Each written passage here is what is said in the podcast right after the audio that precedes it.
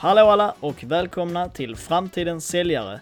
Podcasten där vi diskuterar säljbranschen och företagande ur framtida säljares perspektiv. Mitt namn är Tom Munter och med mig som vanligt sitter Filip Lundgren. och det är vi som är Framtidens Framtidens säljare. säljare.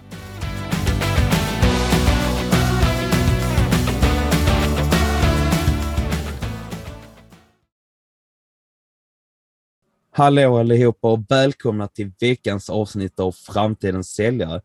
I veckans avsnitt så kommer ni föra mig och Tom Munter och prata om vad är det vi faktiskt har lärt oss nu under vår praktik och vad är det vi har fått göra. Ni kommer få vara med i varje steg i säljprocessen och vad är, det, vad är det vi menar med att man ska vara privatdetektiv i leadsgenerering samt hur skapar man en struktur i själva mötet. Det kommer ni få ta del av just nu, men nu tycker jag att vi kör igång.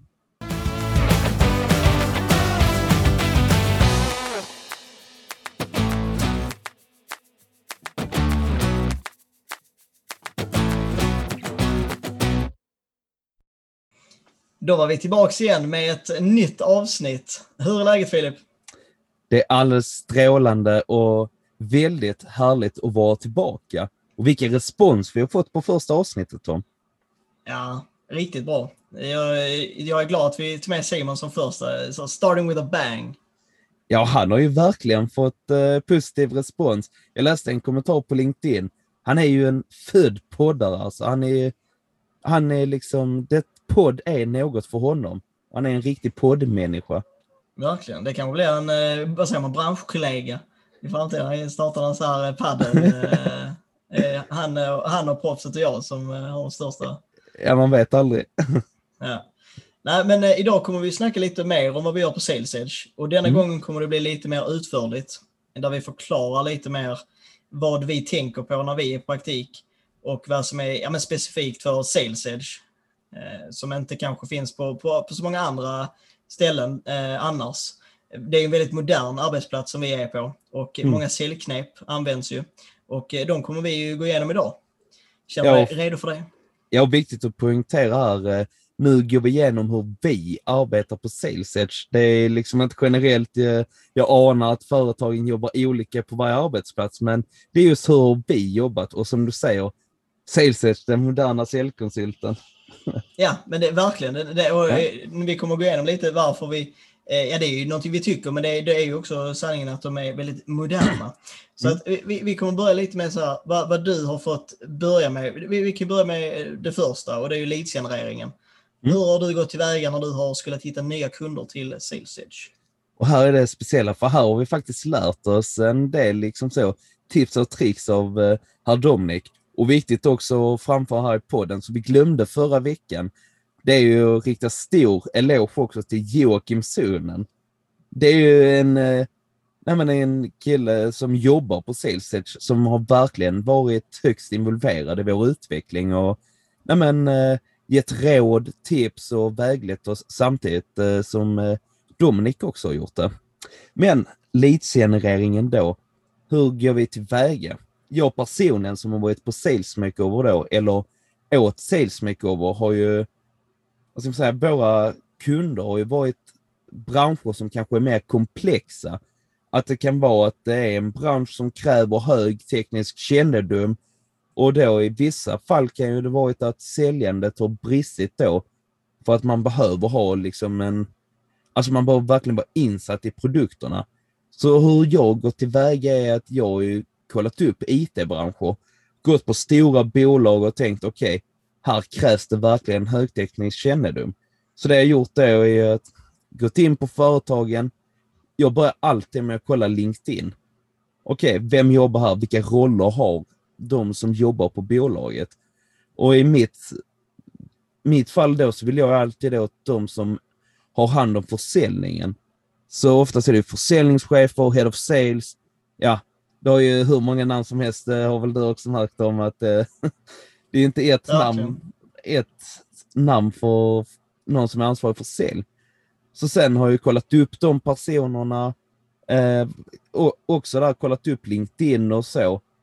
Sen eh, ansluter jag in dem i CRM-systemet och där är det verkligen Guds gåva leadklipper. Jag tänker du kan ju berätta lite mer om det sen som är insatt i det. Men helt enkelt lägga in i de CRM-systemet. Och här kommer egentligen vårt första säljtips. Uh, och det är ju i själva leadsgenereringen hur man är privatdetektiv. Och det är något som Dominic Egli lärde oss. Att det ser ju snyggare ut om man får fram en beslutsfattares nummer istället för att ringa växeln. Och det, det jag alltid gör först är att kolla LinkedIn, är deras nummer där? Nej, deras nummer är inte där. Ah, segt. Går in eh, på, eh, söker på deras namn då på Google och företaget. Och ibland kan man ju se att det kommer upp en mailadress eller vad som helst. Eh, och nej, så hittar man ju numret på Google någonstans. Ett roligt fall i själva var en, eh, när det var en beslutsfattare där hans nummer inte fanns någonstans. Där jag var tvungen att söka på mailadress, allt möjligt och till slut var det en powerpoint för typ tre år tillbaka så hittade jag hans nummer längst ner på den powerpointen. Så det är det vi menar med privatdetektiv. Så det är så det ser ut när eh, jag tar fram mina leads. Sen självklart kollar alltid alla bolag hur året sett ut ekonomiskt och så. Och sen, eh, så det är det, så det ser ut för mig. Hur ser din leadsgenerering ut Tom? Ja, vilken bra fråga Filip. Ja, det, ja. Den är ju rätt så lik till, till din leadsgenerering också. Eftersom vi båda jobbar i Salesbox. Eh, och det är ju Salesbox som, som jag vad säger man, representerar eller säljer mm. åt eh, på uppdrag av Salesbox. Och eh, Salesbox är ju då ett CRM-system. Vi pratade om det lite förra gången. Och vi riktar oss framför allt mot företag som är ja, men lite mindre. Kanske har inte jättemycket säljare, men de håller på att etablera sig och vill, eh, vill utvecklas och har en tydlig struktur i deras försäljning. Och det är ett väldigt, om det används rätt är det ett väldigt användbart eh, system, eh, CRM-system. Och det är det viktiga att man kommer ihåg att, att det används. Vi jobbar ju själv i det och eh, du vet sagt som jag Filip, att i början om man glömde att skriva med någonting, någon anteckning eller något sånt så var man rätt så rökt om det skulle, sen skulle bli möte. För då måste du veta allting om dem. Mm. Men, eh, men så det, det, är den eh, liksom, tjänsten som, eh, som jag har fått sälja. Och den, har ju varit, den är ju lite annorlunda från din, just med att vi riktar oss mot lite mindre företag. Men där har jag också använt Lead Clipper och det är ju då en funktion inom Salesbox där man kan skrapa av innehåll ifrån LinkedIn-sidor. Och då är det ju mm. enstaka sidor, så då har jag ju kollat upp kanske en försäljningschef som jobbar på en ja, men IT, eh, kan vara IT, kan också vara inom eh, eh juridik, eh, juridiska tjänster då. Och ja, men lite, vi har lite olika så här branschmallar, men framförallt är det ju ja, men IT. Och då, då har jag kollat fram en försäljningschef och sen så skapar man av innehållet där. Och som du sa också att ibland finns inte, eh, finns inte nummer och mejl och sånt, oftast finns inte det. Och då får man ju vara lite detektiv som du nämner. Mm. Och eh, det är förvånansvärt hur enkelt det är att hitta också, om man bara är lite finurlig. Som du sa, ibland är man inne på någon gammal powerpoint, ibland är man inne på någon, någon, någon hemsida, liksom, eh, får man scrolla långt ner och man försöker på deras mail och ja, det, det kan vara eh, tufft som, eh, som attan att hitta, eh, hitta några nummer. Men, ja, eh, varför kan man inte göra det enkelt? Ursäkta jag avbröt nu, men nej, det alla som lyssnar på podden, snälla bara skriv ut ert nummer på LinkedIn-profilen. Så vi kan få tag i er. Det är och, bara och det, säljare ju. Det är det bara ska säljare. Sägas. Ja, och vi riktar oss mycket säljare, men oftast har inte de heller. Och en anledning kan vara också, just när vi skannar dem på Salesbox, eller med Salesbox och Lead Clipper, kan vara att på första, vad säger man, första kontakter, mm. Uh, ja, där det står en etta, att man är i kontakt med personen. Mm. Då uh, kan vissa ha delat sitt telefonnummer, då är det vanligare. Men om du har en andra eller en tredje kontakt så brukar det nästan aldrig stå. Uh, och, och, men har man då, för de kan välja själv vem de visar det till. Så att är man mm. inte i kontakt med dem så, så, kan det vara väldigt svårt att hitta det. Ja, sen, jag förstår ju varför folk inte lägger upp sitt nummer ja. hur som helst, speciellt beslutsfattare. För då, telefonen ja, hade ju ringt hur som Ja, men telefonen hade ju ringt hur som helst då. Och vissa, vissa drar inte det steget till privatdetektiv utan eh, ringer ju växeln direkt och det är väl rätt många växlar är ju väl typ till så. Ja, här liksom slussar vi bort folk och inte komma in till beslutsfattare. Ja, tyvärr kan vi inte koppla dig eller eh, tyvärr kan vi inte ge direktnummer. Så okej, okay, fine, jag fattar. Det här det ska liksom vara tvärstopp. Ja, och jag menar det är också så här, eh, nu, nu, vi, vi ska prata också lite om kallt samtal, så nu kommer vi in fint på det här eh, nu, just du nämnde när man kommer in till växeln, vilken mm. stor skillnad det är att ringa till dem direkt än att man kommer via växeln.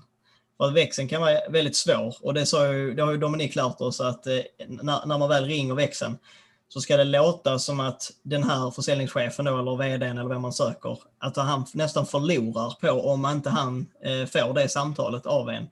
Så man mm. ska inte eh, underordna sig. Hur gör man då det Tom? Hur ja, då, då ska man visa, man? visa pondus i samtalet. Man ska, mm. Jag brukar ibland eh, bara, bara säga att hallå mitt namn är Tom Munter, ringer från Salesbox och jag ska prata med eh, Mats Svensson, eh, försäljningschef. Mm. Och, och, då brukar det inte vara några problem. Eh, och, och, kan de inte koppla in så ber man då, ja, skulle jag kunna få hans telefonnummer så, så kan jag höra av mig till honom senare idag. Men frågar man, eh, om man säger då, en stor skillnad på att säga jag ska prata med Mats och jag skulle vilja prata med Mats. Eller ja. har du kanske hans nummer? Eller så här. Om, om man börjar där och vela så är de direkt stenhårda och säger att nej, du får mejla honom. Och mejl kommer de inte att svara på. Om de inte det vet vi. Ja, det vet vi. Vi har skickat tusentals mejl. Och eh, tyvärr är det så. Eh, och jag förstår dem också. De får säkert tusen mejl. Eh, så ja. därför är det bättre att få ett, och det är skönare för dem själva. Slipper de bli bombade på mejl så får de ett två minuters samtal och se om de är intresserade. Men om vi nu kommer, vi, växeln ringer vi inte nu säger vi. Hur går det till när du ringer kalla samtal då? För jag anar Tom att det är nästa steg när du tagit fram en lead. Ja, precis. Ja, men för, först så, eh, det första jag gör är att eftersom jag leadsgenererar ju är en drös, så jag kan mm. ha 20 kontakter som jag har i min ringlista på Salesbox. Mm. Och sen så kollar jag upp, ja okej, okay, då ska vi, ja, vi tar Mats Svensson igen. Han får vara med mycket nu. Mm. Eh, så har jag han då till exempel, så ja okej, okay, men han jobbar här på eh, eh ja, något företag, någon IT-företag. Och då kollar jag upp först lite vad de gör. Eh, så kommer jag ihåg, ja just det, de kan behöva Salesbox för att de jobbar så här och de ska anställa nya säljare kanske och de vill utveckla sig. Mm. Så kan man använda det i samtalet. Och när man då kommer in i samtalet så börjar man då med Hej, mitt namn är Tom Munter och jag ringer från Salesbox. Och så förklarar man då vad Salesbox är lite snabbt, ett CRM-system för små och medelstora företag. Mm. Och sen så förhoppningsvis säger de tjena. Och sen så säger man, eh, sitter du helt uppbokad just nu? Och då söker mm. man ett nej. Och det, det är ju också en, en tanke bakom det, att man söker ett nej. Eh, att det är för det är enklare för dem att säga ett nej, ett positivt nej då. Eh, för, för att mm. fortsätta. Eh, och till exempel när man då frågar efter ett möte, så alltså säger man istället för att oh, snälla skulle jag kunna få ett möte med dig Mats? Så säger man istället att hade det varit helt galet om vi tar ett kort, kort möte mm. och så. och lägger det så. Och det, det finns en stor plan med det hela. så det har faktiskt varit väldigt effektivt. Jag tror vi har vunnit många möten på att köra så. Men ja. Eh, hur har det gått för dig? Vad, vad, tänker du på när du har gjort ditt manus till exempel? Vi, vi skriver upp manus och, eh, mm. som vi följer. Och vill du gå igenom lite hur du tänker där? Nej men, rätt, alltså om man kollar nu riktigt konkret, mall, kalla samtal. Då är det första hälsningsfras eh, och där är det viktigt, det har jag lärt mig av Jens Edgren eh, som är ju VD och grundare för Seismico att i början sa jag bara, men hej jag heter Filip, ringer. Men han var äh, fel. Man ska säga både för och efternamn. Och, eh, ja, men jag blev väldigt nyfiken och frågade just det. Ja, men, Okej, okay, varför? Jag vill bara fråga den till grejer. Varför ska man göra det och inte bara göra något? Utan okej, okay, vad är syftet bakom det? Och rätt enkelt sagt så sa han, ja, men det handlar ju om pondus, närvaro, eh, senioritet. Att man visar att man är liksom eh, mer senior av att använda Filip Lundgren. Och det ja. visar mer, vad ska man säga, trygghet till motparten att man säger hela sitt namn. Eh, mm. Och sen kanske vissa känner igen ändå. Men i vilket fall som helst, börja med hälsningsfrasen. Samma som du sa där, hej jag heter Filip Lundgren, ringer från Seismikover och kör den. Sitter du helt bokad just nu? Eh, och det kommer jag gå mer in på sen. Men sen det är själva hälsningsfrasen, min pitch och där är det väldigt kort och det är där eh, kör vi något som vi har eh, nej, eh, inspirerats av eh, Josef eh, Fallesen, tror jag han heter. Just det där, okej, okay, kort pitch, vad är det vi gör? Vad innebär det för dig? Eh, nej, men, vilket jag tycker fungerat jättebra. Och sen efter det kan man eventuellt, om man har en referens, smälla in referensen där.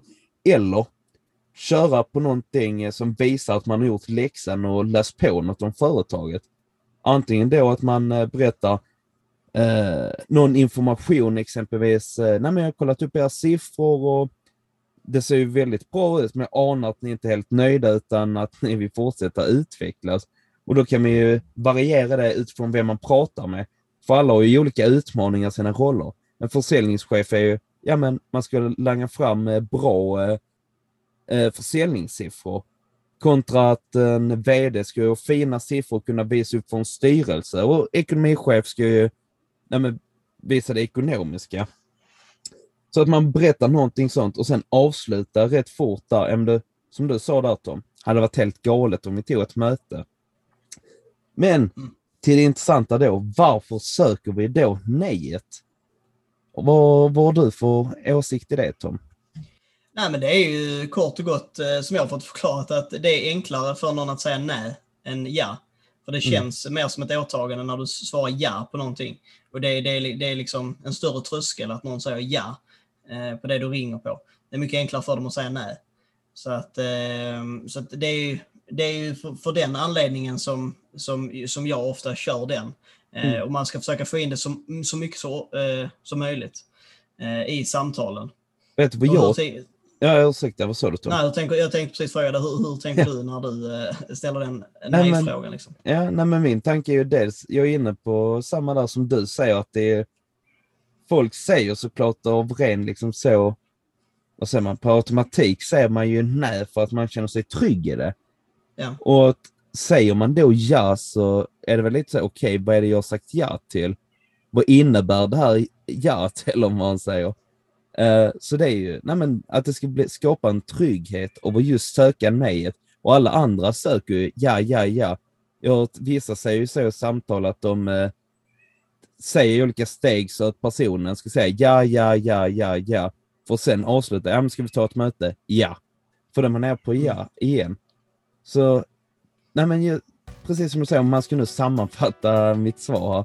Det skapar trygghet, eh, lättare att få nejet och säger man exempelvis då, hade varit helt galet. Det, det är liksom, nej det är inte helt galet.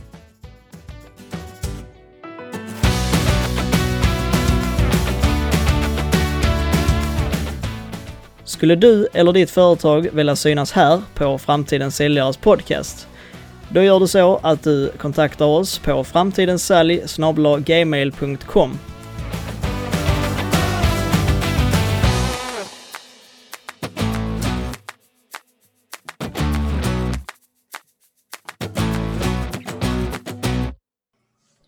Så nu har vi alltså, vi har prospekterat in en person och mm. vi har även ringt ett kallt samtal. Nu kanske det blir så också att han med stor risk vill ha ett möte. Hur går du tillväga när du har fått in en person och ska boka ett möte? Risk? Jag skulle säga det är väl super om de har fått Det finns en stor risk för att de vill. Ja, ja, men det är väl nu super. De har någon som kan hjälpa deras verksamhet att utvecklas och ta nästa steg. Jag skulle säga drömlotteri liksom. Det är okej okay nu. Nej. Nej men okej, okay. inför mötet. Vi gör i alla fall så alltid på Salesmaker och jag vet inte, eller Sales kan vi säga för det är inräknat med er också. Ja. Men eh, det vi gör alltid inför möten är ju att skicka ut en agenda. Och agendan, nej, men det innehåller lite så.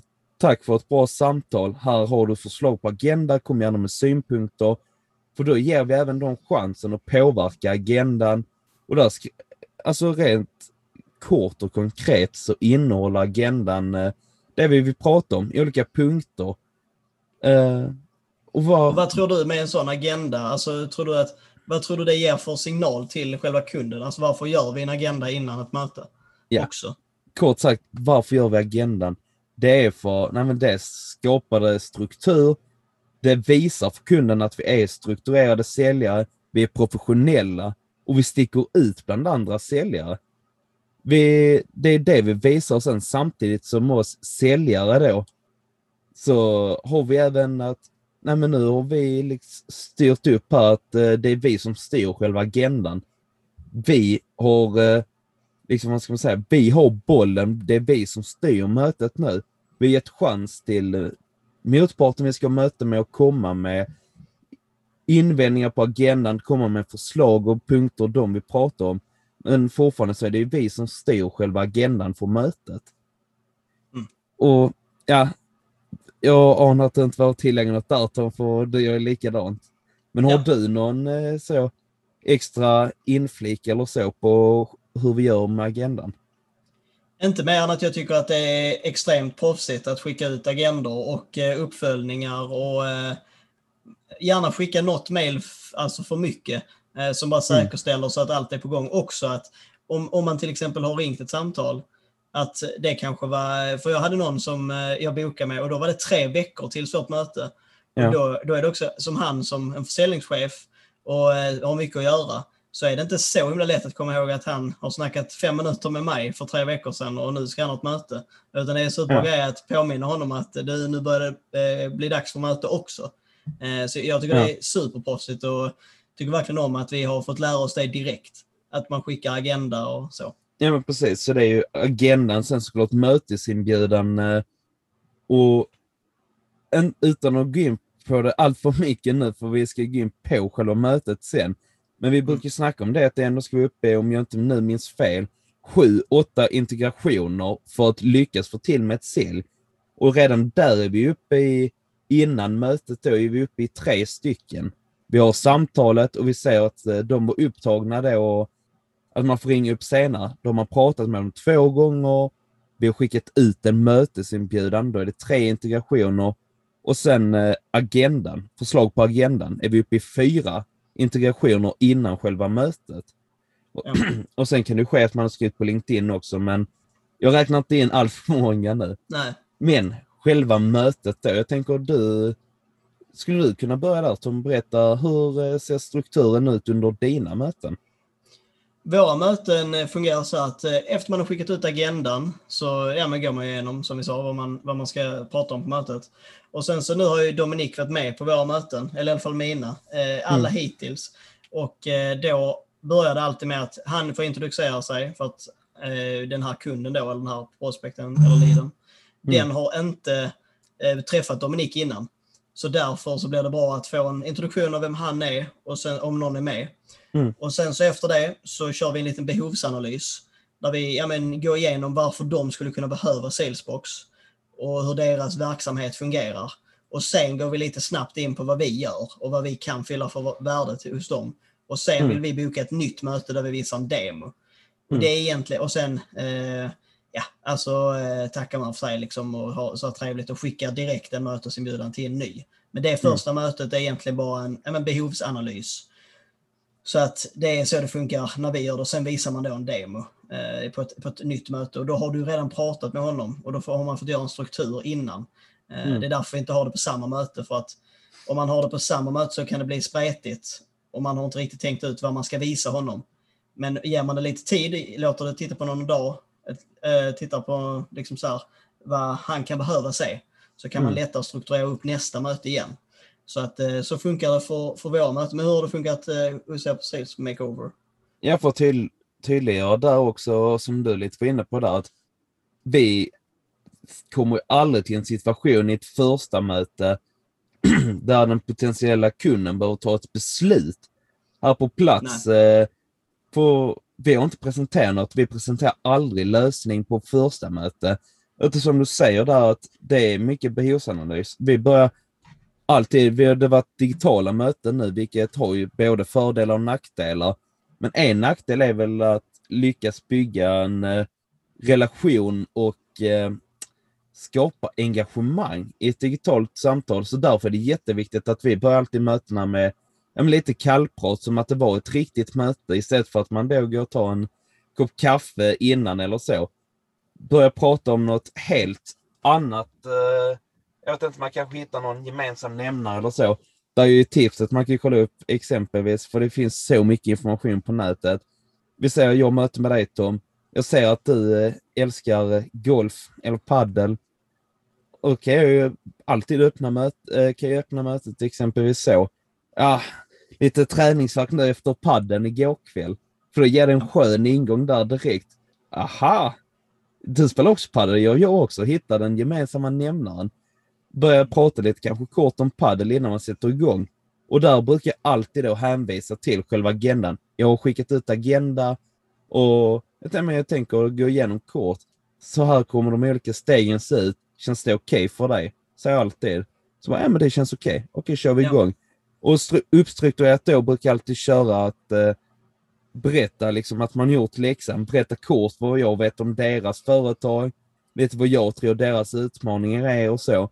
Och sen börjar själva behovsanalysen. Så man kan säga att möte ett går bara ut på att få en djupare förståelse i den potentiella kundens eh, verksamhet. Vad är det de jobbar på? Okej, vilka är de verkliga painsen de har? Och nej men, ett allmänt tips där som vi får lära oss eh, av vår handledare och Jocke och så också, det är att gräva djupare.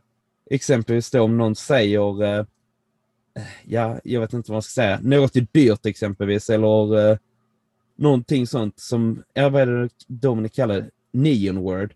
Ja, att man då upp, ja precis, att man då ska gräva djupare. Okej, men dyrt. Vad innebär dyrt för dig?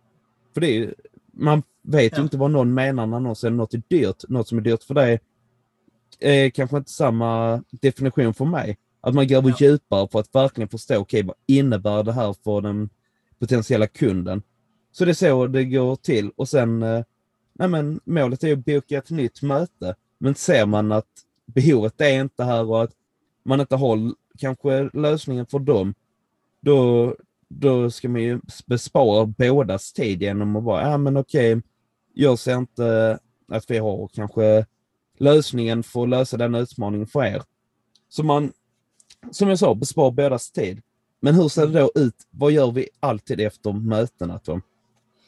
Ja, då skickar man ju en eh, liten, eh, vad säger man, sammanfattning Ja. på eh, vad man gick igenom. Eh, och det är precis som agendan där, så här, känns väldigt proffsigt och inger också en känsla av att okej, den här personen har, han har både antecknat det vi har pratat om, han har koll på läget och han kommer att vara väl förberedd till nästa möte. Mm. Så att, eh, och det, den är också superviktig och den är också, det är också så effektivt när man skickar den direkt efter ett möte. Eh, För då, då kommer man ännu färskare ihåg och skriver man rätt info där och man också skickar den för att de kan se igenom det och säga att ja, detta gick vi igenom och sen, alltså så man inte har glömt någonting. Mm, mm. Så att, eh, så det, för det kan ju bli, det kan bli lite så här, eh, jag hade i alla fall tyckt det var lite småpinsamt om de säger att "Nej, det där pratar vi inte om eller det där har ni fått lite på bakfoten. Eh, Så att jag alltid skicka den direkt efter. Ja, men där är det alltid så också att där, jag skrev alltid i början, är det något som jag missförstått Ja, eller missat helt som eh, kanske du tycker är viktigt, flika gärna in och ja, men antingen ring mig eller om vi liksom skriver om det så jag verkligen får ner på det du verkligen menade. För det är klart man är mänsklig, man kan ju missförstå varandra eller så. Så då är det viktigt att reda ut det direkt. Men jag tänker själva summeringen är ju dels till för att visa, det har vi pratat om och det blir ju lite svart på vitt. Ja men det här eh, ja, men sa vi under mötet eh, och så kan man ju gå tillbaka och ta fram det sen i framtiden. Så det är väl, eh, ja. Det är ju så långt vi har kommit nu egentligen. Ja. Eh, Det är långa säljprocesser, i alla fall i Stage Ja. Så har inte hunnit Ja, det, mycket det är längre inte än andra lika, lika möten. långa i salesbox, men, men det, det, det är också så här, nästa steg är ju egentligen att det blir en affär och det har ju, det har ju blivit så. Eh, och där är det ju inte mer än att då, då får man bara liksom sälja det man har kommit överens om vad de behöver. Så den är inte så invecklad, den har man inte gjort, den har inte gjort så mycket. Och sen är det ju uppföljning, men det är ju svårt att göra det på en alltså två veckors eh, period i Ja. efterhand, utan det får Mm. man ju vänta någon månad med kanske. Man kan väl säga egentligen möte två är ju när man har fått reda på behovsanalysen. Okej, presentera en lösning utifrån eh, de behoven man har identifierat. Ta fram lite där, okej, vad... Och där, där är lite intressant. Jag hade en diskussion eh, med Jocke, men det kan vi ta i ett annat avsnitt. Nej, men där verkligen presentera den här lösningen fungerar bäst för er utifrån det jag fått höra. Ja, Sen eh, går det vidare, förhandling, ba, ba, ba, allt det där. Men eh, ja. de stegen får vi ta i led två. Så är det. Och nu kommer vi faktiskt gå in på det sista ämnet för dagen och eh, det är ett nytt segment i Framtidens Mm. säljare. Eh, Väldigt spännande och eh, det kommer vara tittarfrågor. Vi har fått in en eh, fantastisk tittarfråga av en Filip. Ja, det stämmer och det är inte jag då. Och det är inte jag heller. Nej, Det är ett precis. fint namn men det är Nej, ingen av oss faktiskt. Det är en mycket kör på från Hör. Så behöver inte gå ut, jag vet inte om han vill vara anonym, men i alla fall Filip. Och det, den frågan han har ställt till oss, och för övrigt förresten, det går jättebra att skicka in frågor till oss så tar vi upp det nej, men här i podden under detta segmentet. Men frågan då från Filip lyder så här. Hur går ni tillväga när ni väljer linje inom sälj? Alltså, vad vill ni jobba i framtiden och varför? Och jag tänker du kan ju få börja på att svara på den Tom. Oh, thank you. Eh, nej men eh, superbra fråga. Eh, jättekul eh, fråga. Och eh, det som jag tänker i alla fall när jag väljer linje. Nu på praktiken har jag tagit det lite mer eh, så här att jag vill ta det som inspirerar mig. Mm. Och därför valde jag då att vara hos Dominik. När man tänker specifik linje för vad jag vill jobba som har jag ju tänkt länge att jag vill jobba inom medicinteknik och läkemedel och den branschen. Mm. Så att, och det, kommer, det vill jag fortfarande. Jag har en praktikplats sen som kommer att ja, men innefatta medicinteknik. Eh, så det, det vill jag fortfarande. Men det jag tänkte på när jag sökte praktik i alla fall och vad jag vill jobba inom. Då tänkte jag att eh, något som intresserar mig och som jag verkligen kan drivas av. Trots, alltså, trots att eh, sälj är sjukt roligt så tror jag också att det behöver vara någonting man verkligen står bakom och eh, trivs med att sälja. Så det är lite som jag, hur jag går tillväga. Mm. Hur eh, tänker du där Filip? Om jag bara får flika in där innan ja. jag besvarar. Ja. Varför vill du just medicinteknik då? Alltså för, för mig personligen så, så tycker jag att det är för det första sjukt intressant. Jag eh, var ju lite inne innan på, alltså också lite med det här inom eh, medicin och sånt innan, innan jag blev säljare och började den utbildningen. Eh, Jag var Mm. lite inne på att eh, jobba inom vården också liksom. Eh, Långt tillbaka. Men, eh, men har ändå haft ett intresse för det. Och eh, nej men, så här, det känns bra också när en produkt hjälper andra människor och kan eh, ja, men, ligga, ja, men, ja, men hjälpa folk och eh, Mm. få utvecklingen att eh, gå framåt. Så det är väl lite så kort vad jag tycker om det. Och varför det blev det. Ett varmt hjärta helt enkelt. Vill Ja, hjälpa. exakt. Ja, men det, precis. Ja, men det, det känns superkul. Och Ja. för dig Filip, vad, hur tänker du? Det som är viktigast nu, i alla fall i början när jag kommer börja kolla på bransch och så, det, det jag drivs främst av, eh, det är ju utveckling. Sen såklart, man, jag ska inte sticka under stolen här och påstå att det, det är inte en drivfaktor. Det är klart pengar, det spelar ju stor roll för mig. Eh, och jag kopplar lite pengar till frihet.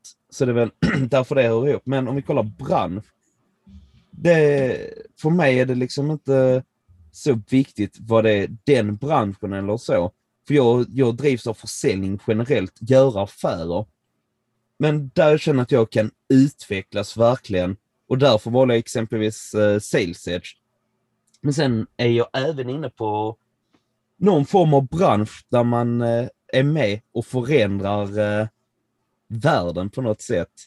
Så vad det blir får vi se i framtiden, men det ska vara någonting som har med framtiden att göra och förändra hela världen.